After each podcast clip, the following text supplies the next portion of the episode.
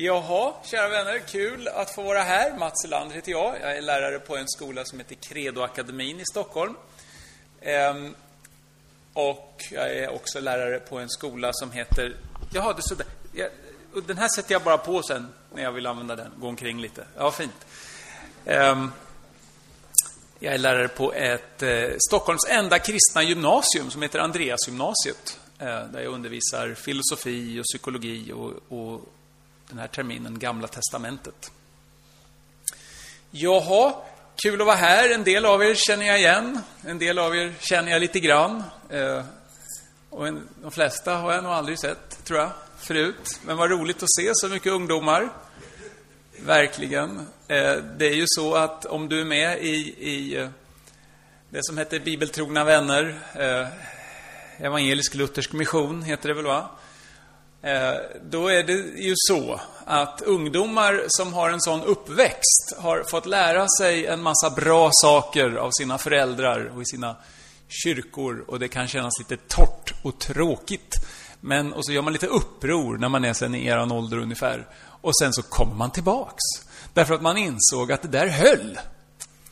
Eh, det är ett väldigt vanligt mönster faktiskt, just från personer som är uppvuxna inom ELU. Inte alla kommer tillbaks och inte alla gör uppror. Men eh, ni har en tendens att, ska man säga, att få en bra grund, helt enkelt. Det har ni fått, många av er. Och det är väl för att ni går på de där vintermötena och sådana här saker, va? Det det åttonde nu här. Så att det är väldigt roligt att vara här. Det känns som att eh, ELM och, och det ni är en del av är en... Jag tycker det känns som en väldigt bra rörelse. Ni fokuserar på Bibeln, vågar ta den på allvar. Men då kan man ju förstås få frågan så här, varför, varför ska jag tro på Bibeln? Därför att du är uppvuxen med en mamma och pappa. Inte alla av er, jag var inte det till exempel. Men många av er har en mamma och pappa som tror på de här grejerna. Ja, och då är det ju ofta så att man, man, man tror ju på det ens föräldrar tror på. Det är ganska förnuftigt att göra det. Det gör i stort sett alla barn. Ja, jag vågar nog säga alla barn tror på det som ens föräldrar inte nödvändigtvis biologiska då, men om man har adopterat, men de som socialt sett fungerar som ens föräldrar, de litar man på. Och det är klokt att göra det. Det är jättebra att börja där. Det är den naturliga startpunkten. När jag var ateist som 14 år så var jag helt säker på att Gud finns inte, vetenskapen har bevisat att det inte finns någon, någon, någon Gud och att Bibeln har fel. Det är helt bevisat, det visste alla. Hur kunde jag vara så säker på det? Hade jag undersökt de här sakerna? Nej, det hade jag inte. Varför trodde jag detta så starkt? Ja, därför att min mamma och pappa är inte kristna. De går inte i kyrkan. Min pappa tror väldigt mycket på vetenskapen. I läroböckerna så får man intrycket av att det här, Bibeln, Bibelns världsbild är förlegad, ovetenskaplig, kan inte vara sann. Eller hur? Vi får det budskapet på alla möjliga sätt. Är det någon som har sett den här The Were Rabbit med Wallace and Gromit? Upp med en hand om du har sett den. Okej, okay, det är en film. Okej, okay, inte så många. Det är, en, det är en sån här leranimerad film, ganska rolig och så. Eh, det är en, hund, en vetenskapsman som har en hund då. Hunden är oftast lite smartare än den här vetenskapsmannen, visar det sig då. Men, eh, eh, och, och, och då har det blivit ett litet, ett litet problem här, för det är massa kaniner som översvämmar en, en, en, en dams trädgård och då ska de lösa det där. Och då uppfinner de en, en maskin där de suger upp alla kaniner från deras hål och så där och så svävar de omkring där i den här lilla burken och verkar ha det bra. Så, där. så att det, det, är inget farligt, inga kaniner dör. Men så blir det något misstag så att, så att ja, någon kanin får någon, någon, någon sån här grej på sig och så får den här vetenskapsmannen en sån här huva och så liksom sker någon sorts uppblandning här då. då. Så att eh, vid fullmåne så förvandlas vetenskapsmannen till en stor kanin som går bärsärkagång där bland alla eh, morotsland och, och grejer. Och det blir en katastrof. Hela eh, samhället då ska ju ha en en, en tävling i vem som har störst morötter och störst eh, pumpor och grejer. Och den här where, The Where Rabbit kommer ju förstöra alltihopa. Och, och så ska då vetenskapsmannen själv då lista ut problemet här och så vidare. Så det, det, det är en rolig film. Det, häng, det har en liten koppling till den skräckfilmen Flugan och sen också eh, den här eh, The Where, oh, Werewolf, ja, sån här varg. Vad heter det? Varulvar, tack ska du ha. Precis. Nåväl, det där, det där var ju en rolig barnfilm. Och sen så, andra gången jag såg den, så, så kom jag att tänka på att prästen i den här filmen beskrivs som en person som, han, dels så har han då en, en, någon sorts porrtidning då, där är Nuns in Mud, eh, då, och, och, och nunnor i, i, i lera, som håller på att lerbrottas och så vidare. Och, så han är liksom en hycklare, den här prästen. Och dessutom så är det så att den här prästen blir då väldigt vidskeplig och säger nu kommer domens dag, domens dag kommer här, för nu är det the were rabbit som är ute och bär, håller på och, och förstör alla trädgårdsland, så nu kommer domens dag här. Så prästen är en hycklare och prästen är vidskeplig och har liksom en religiös lösning på det här. Men i själva verket så är det den vetenskapliga lösningen som till sist visar sig fungera, så att säga. Och då tänkte jag, det här är en barnfilm som inte handlar om tro och vetenskap, men som har det inbakat som en självklarhet. Att den som tror och är religiös är en hycklare och tror på vidskepelser. Då tänkte jag så här, aha, det var nog på det här sättet som jag började tro att vetenskap och religion är motsatser. Och att vetenskapen har bevisat och så vidare. Det här är liksom bara ett exempel och jag tror att vi är omgivna av massa sådana här saker i vår kultur som kommunicerar och säger så här, tro är oförnuftigt. Och då kan man fråga sig då, ja, du tror ju på det din mamma och pappa, de flesta av er har troende mammor och pappor, förmodar jag här nu. Du tror på vad de säger. Fine, bra. De ateistiska ungarna, de tror på vad sina föräldrar säger.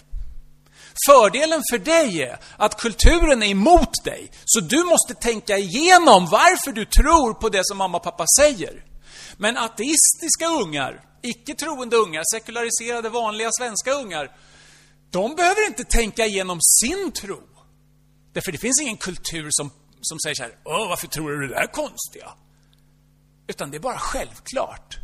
Så de behöver aldrig jobba igenom sin tro och fundera på varför tror jag det här för? I världen finns det kanske 3% ateister. Och tittar du historiskt så är det en försvinnande minoritet som inte har trott på Gud, eller det gudomliga, av människor. Så det är väl egentligen, man, så borde man vända på steken och fråga om du inte tror på någon religion och inte tror på Gud, då måste du verkligen bevisa ditt case och ha skäl för det. Annars är du ju verkligen ute och cyklar, va? Men om du börjar med tro, för det har alla andra människor gjort i världshistorien, majoriteten av de som lever idag börjar med tro, ja men det verkar vara en bra startpunkt. Ser ni, det går att vända på det, de där bilarna kan ramla när som helst. Uh, ja. Min poäng här i början är, var inte så himla orolig om du startar med din mammas och pappas tro, för det gör alla. Låt det bli en startpunkt. Det är bra. Om jag är tre år gammal och mormor som är senildement säger till mig, du förstår, målen där uppe i en ost. Och jag tror på det. Så menar jag att jag är förnuftig som treåring att tro på det. För det är förnuftigt att lita på mormor. Sen när jag lär mig mer och får andra röster som också är väldigt tillförlitliga, läroböcker, lärare, föräldrar och så vidare, kompisar, då kan jag utvärdera vad mormor säger, så förstår jag att det finns något som heter att vara senildement och så tänker jag, jaha, just det, mormor hade kanske fel om osten och månen och grejer och sådär. Och då utvärderar jag det och kommer jag till en annan uppfattning. Men det är en bra startpunkt att tro och att lita på det som tycks vara fallet, därför att tillförlitliga människor i din närhet tror på det. Om det är därför du tror på Bibeln, fine, bra. Det är inget fel med att starta där. Du behöver inte bli nervös och tänka, Åh, jag borde inte tro. Men det är klart, när då kulturen och kompisar säger så här, varför tror du på det där? Då bör du kanske ha ett vettigt svar. Då kanske det är dags att börja tänka igenom varför. Eh, förutom då att mamma och pappa tror det här och de är allmänt tillförlitliga. Det är ett bra svar, men det kanske inte räcker. Är ni med på, på resonemanget? Så man får inte vara för skeptisk, men man får inte heller vara för godtrogen.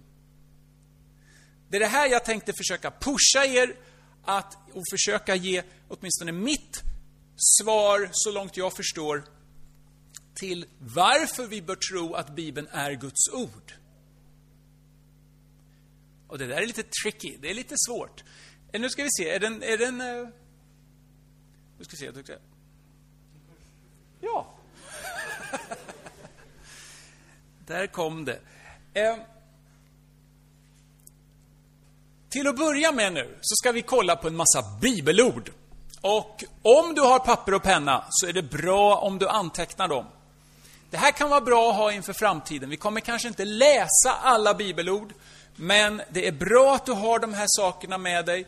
Och, och, det kommer bli lite kanske torrt så här i början. Sen kommer jag smasha in ett gäng poänger.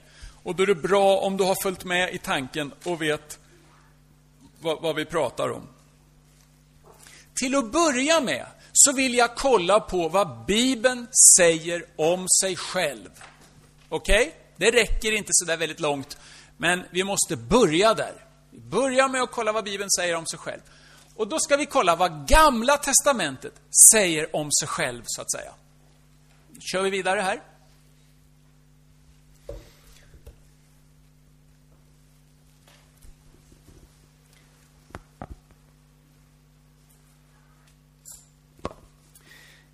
I Andra Mosebok så läser vi om hur Gud talar till Mose och att Mose skriver ner vad Gud säger.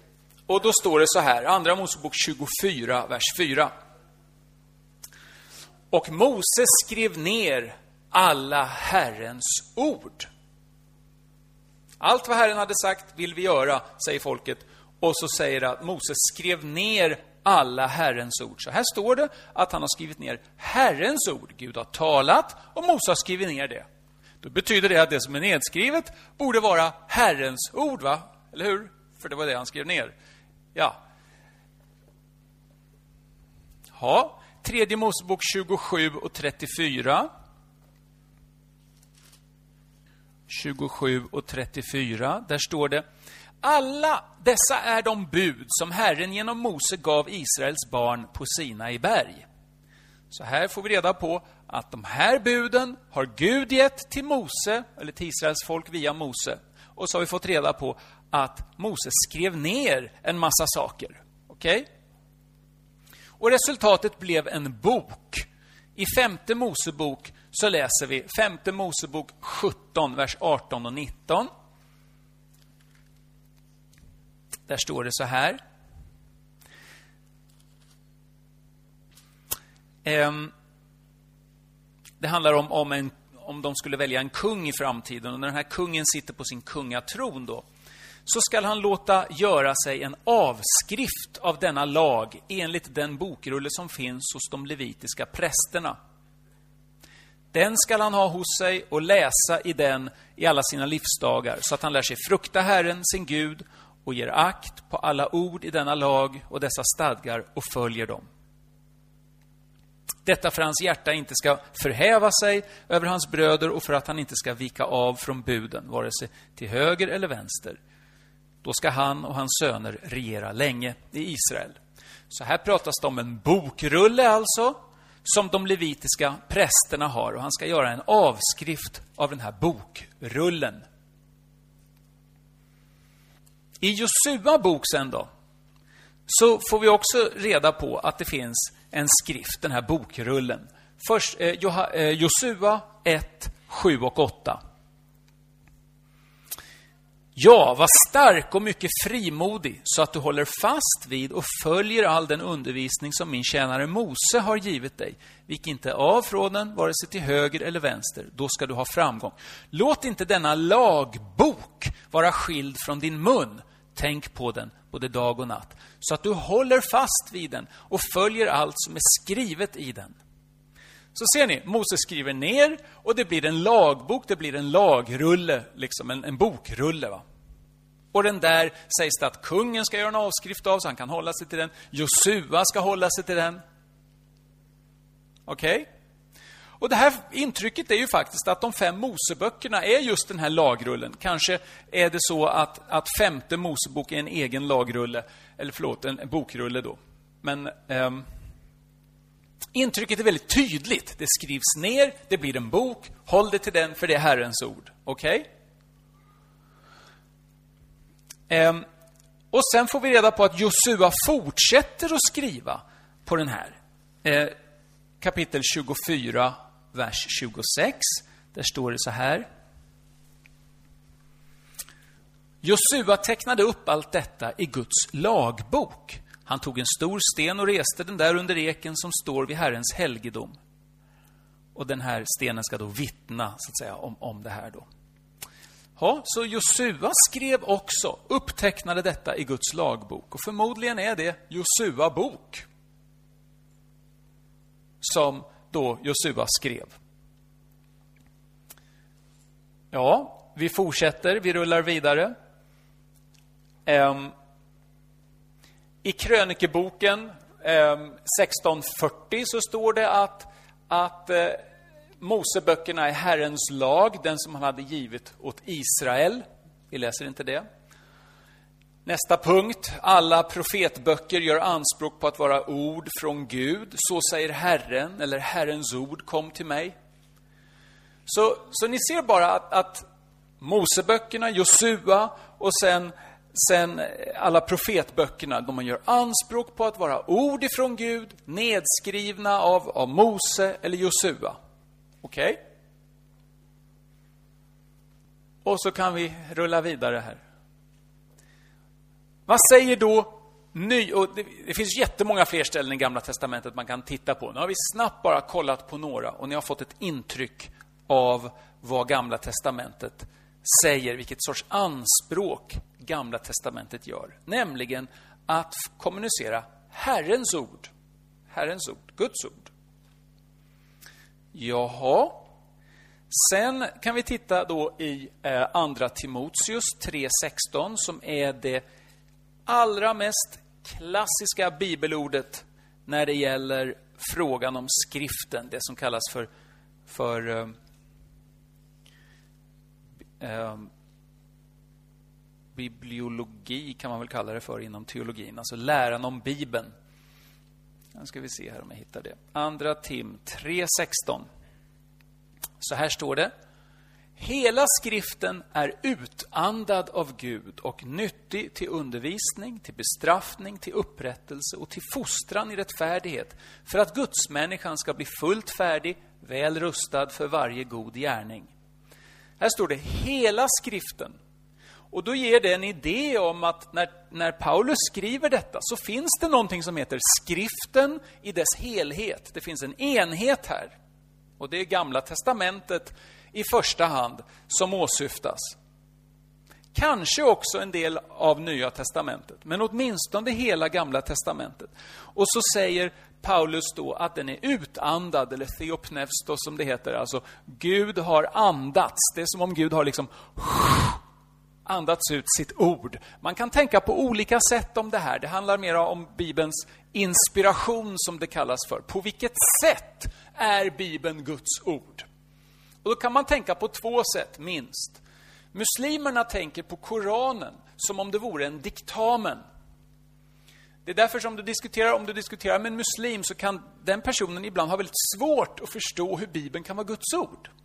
Därför att Bibeln är inte en diktamen, utan Bibeln är ju både citat, så säger Herren, kolon, citat, och sen Eh, vänd om ifrån er synd och, och så vidare. Och då, då, liksom, då, är det Herrens ord. Men det där, det där berättelsen runt omkring, det är ju inte Herrens ord, säger en muslim.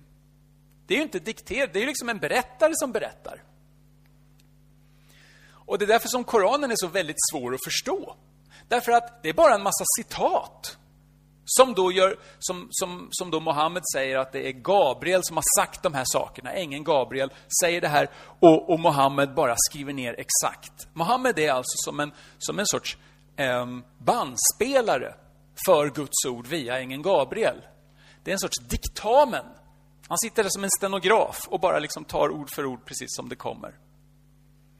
Det är inte Bibelns syn på inspiration. Bibelns syn är mer inkarnationalistisk, som det heter, som har med inkarnationen att göra.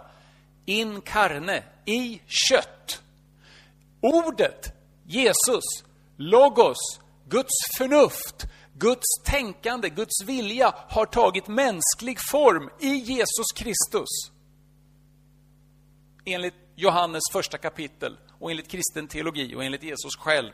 Han gör anspråk på att vara ett med Fadern. Han kommer uppifrån, alla vi är nerifrån. Massa olika anspråk som Jesus gör på att vara ett med Fadern, att vara gudomlig. Och det betyder då att Jesus, Guds ord, Guds vilja, Guds tanke, har tagit kött, blivit människa. Guds ord har suttit och ätit frukost. Guds ord har gått på toaletten. Guds ord har så att säga levt ett, ett vanligt mänskligt liv. Det mänskliga och det gudomliga är enade, är förenade i Jesus. Och på samma sätt ser kristen teologi på skriften. Bibeln, som är då Guds ord i skriftform. Jesus är Guds ord i människoform. Och när det då är Guds ord i skriftform så betyder det att Bibeln är både Guds ord och människors ord samtidigt. Hur då då? Ja, då kan man tänka sig så här. Istället för att Paulus, när han sitter och skriver, så är det liksom inte, det är inte som så att Gud liksom går in i hans arm och, och pennan så att det liksom blir som en sån här magisk skrift så där han bara skriver och så får han precis rätt så här. Nej, utan Gud verkar inte bara genom Paulus hand, utan Gud verkar genom hela Paulus, genom hela aposteln. Hans tänkande, hans personlighet, hans bakgrund, alltihop blir som en enda stor penna, eller vad man ska säga, som Gud använder för att kommunicera med. Och Det betyder då att när Gud kommunicerar så går han in i det mänskliga. Det är inte som så att han ser det mänskliga som ett problem som står i vägen, utan han kommunicerar genom det mänskliga. Är ni med? Så att han använder Paulus som människa, hans bakgrund, han använder förstås eh, de andra apostlarna, profeterna, deras bakgrund, deras sätt att tala, språk. Ingenting av det är ett problem för Gud, utan Gud kommunicerar genom det. Och Det betyder då att vi kan vara väldigt öppna för att se de mänskliga aspekterna i Guds ord och se att ja, men Paulus som människa hade den här bakgrundskunskapen och därför så skrev han så och så och så. Just det. Och genom detta har Gud kommunicerat, för han har så att säga andats på hela processen. Är ni med? Det är inte någon diktamen, utan genom det mänskliga har Gud kommunicerat, för han har andats på det. theopnevstos. Är ni med på den tanken? Fattar ni resonemanget? Det är ett annat sätt att se på helig skrift än, än vad muslimerna har till exempel. Då. Och det är viktigt att vi inte hamnar i den här, vad ska jag säga, diktamenstanken om Bibeln. Varför är det viktigt då? Jo, för då får man en massa problem. Så här, ja, är det här diktamen? Okej, okay, men varför är då, låt oss säga, Paulus personlighet och bakgrundskunskap viktig för att förstå innehållet? Alla sådana där frågor blir ju konstiga och ett hot mot Bibeln som Guds ord. Men förstår vi att Gud har andats på hela processen och lett den och inte är rädd för det mänskliga därför att han har blivit människa i Jesus Kristus? Ja, då Fattar ni? Gud, han kavlar upp ärmarna och får skit under naglarna. Han går in i mänsklig historia. Och håller sig inte bara där på distans. Och det är inte farligt för honom. Han är inte hotad av det. Nåväl, det var mycket om den versen. Nu ska vi se, men jag är inte färdig. Eh, 3.16, ja. Hela skriften är utandad av Gud. Så den kommer från Gud och det är liksom en process som Gud har andats på. Och så är den nyttig till undervisning, till bestraffning, till upprättelse, till fostran och, och så vidare. Ser ni vilken betoning det ligger på att Bibeln ska komma till praktisk användning? Den handlar inte i första hand, ja, den handlar också om det, men inte bara om att, att du ska på något vis få kunskap om Bibeln. Den handlar om att du ska leva det här. Och gör du inte det så blir du som en farisé. Du är full med bibelkunskap i huvudet. Men om det liksom tar stopp någonstans, då är det som om det liksom, huvudet bara blir större och större och till sist så bara poff. Kanske inte riktigt då, men bildligt talat så, så det, det, om du inte lever ut det här så är det som om bibelkunskapen, hur ska jag säga, den blir... Det möglar på något vis. Det blir gammalt och det kommer inte... Det, det blir inte liv. Det blir inte liv. Guds ord är till för att tillämpas. Och därför skulle jag säga, om du står i valet mellan att veta väldigt mycket om Bibeln och göra väldigt lite av det, kontra veta väldigt lite och göra mycket av det, så är det bättre det. Det är bättre att du vet mindre om Bibeln om du, vill, om du vill att leva efter det som du faktiskt vet om Bibeln. Är ni med? Så att det kallas för ortodoxi och ortopraxi. Alltså praxis, vi måste faktiskt leva ut det. Betoningen här är att vi ska leva ut det. Betoningen är det. Och sen är det jätteviktigt att, att ha kunskap om det också förstås. Jag menar, jag kommer från Credoakademin, vi sysslar ju med sånt här. Så, eh, jag vet inte vad ni har för, för idéer om Credoakademin förresten, men, men eh, vi är ju lite kända för att hålla på med intellektuella, om jag säger så. Då. Och det är viktigt, absolut. Mycket viktigt. Men det är viktigt därför att det ska få praktisk tillämpning och betyda någonting i verkligheten. Och faktum är att när Bibeln landar i verkligheten och börjar tillämpas, åh vad det blir kontroversiellt, åh vad det blir intressant och jobbigt på en massa spännande sätt. Och att börja analysera vår egen kultur utifrån Bibelns värderingar. Oj, oj, oj. Nåväl, det där kan vi prata mycket om. Eh, i andra Petrus brev då, så ser vi något liknande. Så här har vi då Paulus syn på hela skriften och att den kommer från Gud och är till för att tillämpas. Och Petrus i sitt brev talar om något liknande då, att det här är ord från Gud. Första Petrus 1.21. Ni, eh, nu ska vi se, så andra Petrus, sa jag fel? Ja, det gjorde jag kanske. Andra Petrus 1.21. Framförallt ska ni veta att ingen... Ja, nu föll de, ja. Jag anade det. Jag såg, jag såg när du stod här, så då, då var det liksom på gång där. Så att eh, det... en litet bibelton där. Eh, 1.21. 1.20 läser jag från. Framför allt ska ni veta att ingen profetia i skriften har kommit till genom egen utläggning. Ty ingen profetia har burits fram genom någon människas vilja, utan ledda av den heliga Ande har människor talat vad de fått från Gud. Och nu talar han om profetia som en särskild form, en särskild genre. Allt i Bibeln är inte profetia, men de profetiska orden, särskilt här nu då, sägs det, har inte kommit genom någon människas vilja, utan ledda av den heliga Ande har människor talat vad de fått från Gud. I Hebreerbrevet 1.1 så står det att Gud har talat genom många profeter, nu har han talat genom sin son i den sista tiden. Så ser ni, Nya Testamentet andas detta. Gud har talat, han har talat genom profeterna, genom Mose. Det är på riktigt. Gud har kommunicerat. Det är den bild som, som vi ser här. Va? Ja, då går vi vidare. Jesus själv, vad säger han då? Ja, han säger i Matteus 5, 17-18 att inte en minsta prick i lagen ska förgås. Och då säger han, inte ett jota. Har ni hört uttrycket på svenska? Inte ett jota. Det, det, det syftar på den minsta bokstaven i det hebreiska alfabetet, J som är bara en liten krok så här, en liten drutt, en liten krok så. Och, och, inte ens en liten krok i Bibeln, en liten dutt i, i lagen ska förgå, säger Jesus. Så Jesus verkar ju ha attityden av att, att Mose lag, lagen är det, det, här är Guds ord och Guds ord kan liksom inte förgås eller ändras eller inte hända. Eh, vi kollar vidare här då. Det här tycker jag är lite intressant. I Matteus 19 så pratar Jesus om äktenskapet.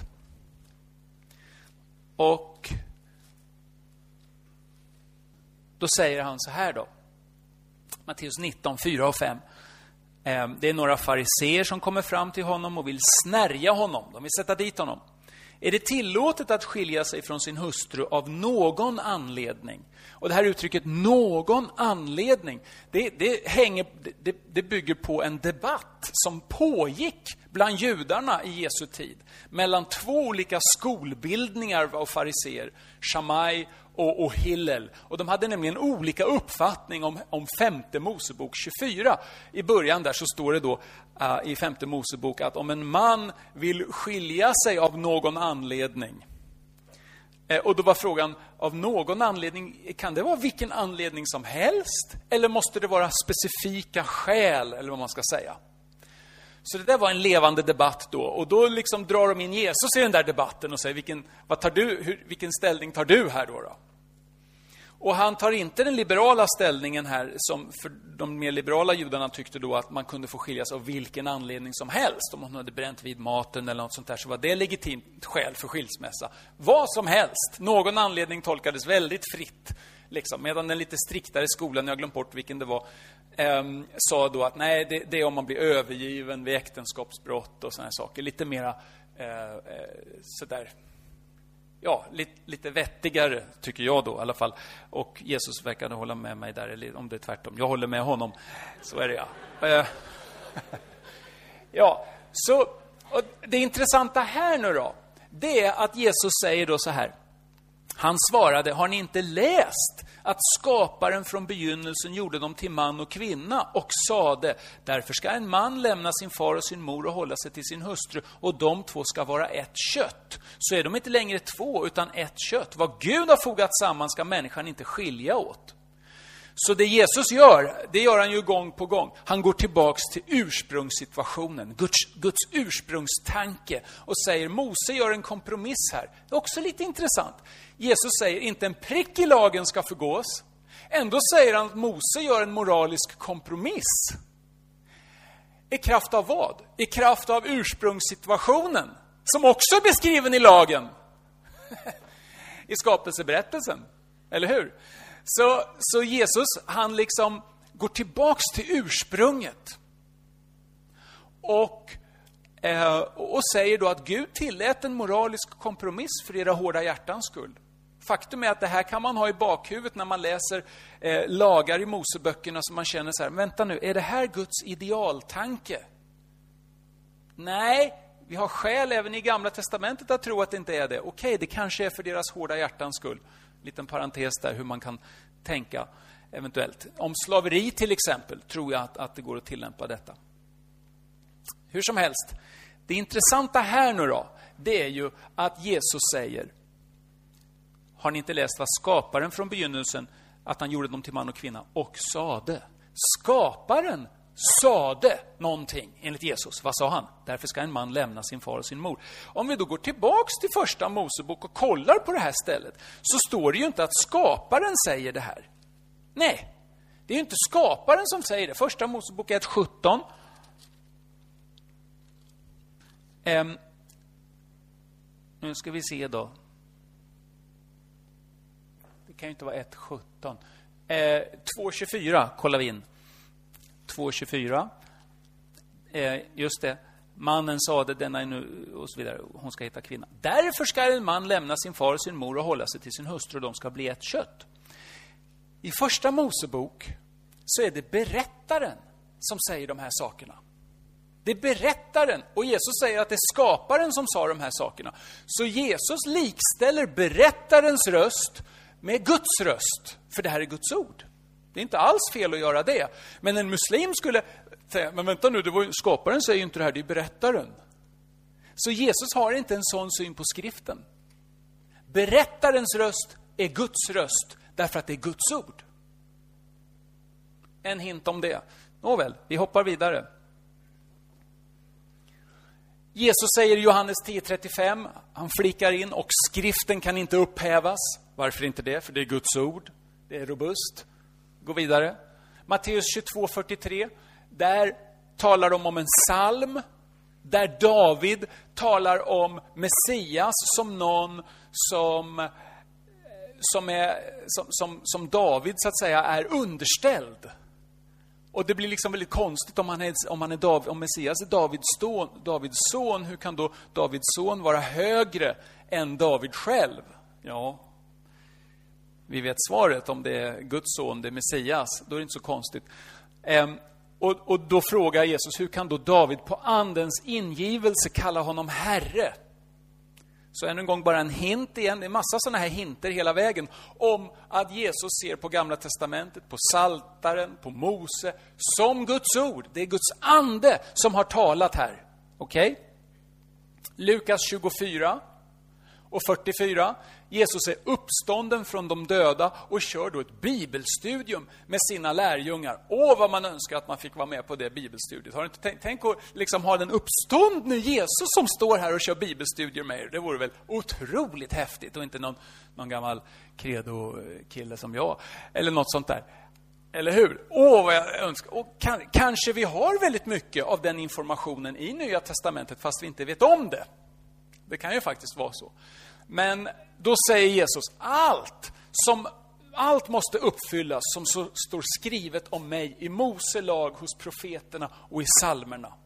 Så Jesus har den här attityden. Det är klart, det här bevisar kanske inte att det är Guds ord. Man kan ju säga att det här måste uppfyllas även om det inte är Guds ord. Men attityden är ändå detta. Att varför måste det uppfyllas för? Därför att det kommer från Gud. Jesus kommer från Gud. Nu är det Gud som gör de här sakerna. Han uppfyller alltså sitt ord det, det ligger väldigt nära till hans att se det så. Va? Ja, då går vi vidare.